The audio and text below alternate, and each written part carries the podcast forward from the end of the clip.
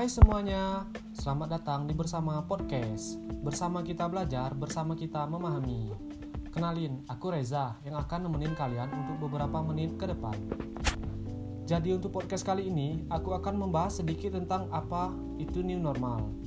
Nah, kan belakangan ini sering tuh kita jumpai istilah new normal ataupun kenormalan baru yang akan menjadi pola hidup baru yang akan kita jalani. Dan istilah new normal juga kan sudah sangat sering kita jumpai tuh di beberapa platform media seperti YouTube, Facebook, ataupun Instagram. Jadi sebelumnya teman-teman udah tahu belum sih konsep new normal? Nah, konsep new normal sebenarnya adalah cara kita beradaptasi terhadap lingkungan dalam bentuk penyesuaian perilaku agar kita bisa beraktivitas kembali dengan normal. Namun tetap mengedepankan protokol kesehatan yang telah ada agar kita bisa menangani COVID-19 ini dari aspek kesehatan ataupun sosial ekonomi dengan lebih baik. Terus, kenapa sih kita membutuhkan new normal? Nah, jadi gini teman-teman, kan saat ini tingkat infeksi dan kematian akibat COVID-19 ini masih belum signifikan penurunannya. Dan juga di sisi lain ekonomi kita yang kian melemah dengan adanya kasus COVID-19 ini. Nah, diberlakukannya new normal ini sebenarnya sebagai upaya agar bisa memperbaiki kedua aspek tersebut dan mampu memulihkan perekonomian kita yang pertumbuhannya sempat memburuk.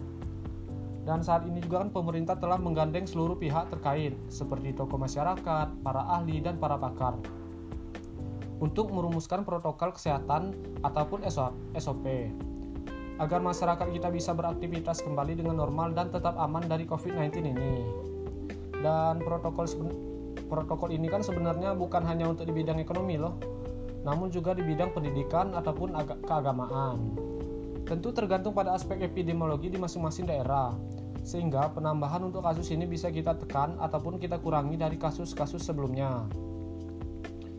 Oh ya, untuk menerapkan konsep new normal ini kan pemerintah juga telah menyatakan tiga indikator yang dipertimbangkan yaitu yang pertama tingkat penularan atau RO reproductive number jumlahnya harus kurang dari satu selama dua minggu berturut-turut.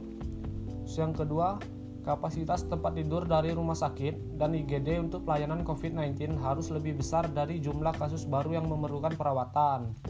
Nah, terus yang ketiga, ada pengetesan setidaknya harus mencapai 3.500 tes per 1 juta penduduk.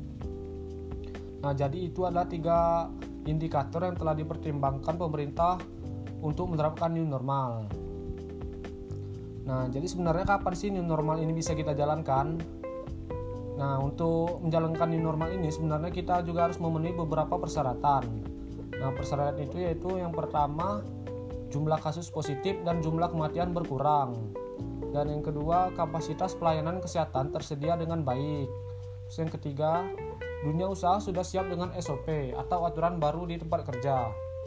Dan yang terakhir, yang paling penting yaitu masyarakat harus makin disiplin dengan penerapan protokol baru berkegiatan. Nah, syarat-syarat tersebut harus kita penuhi agar gelombang kedua COVID-19 ini tidak terjadi.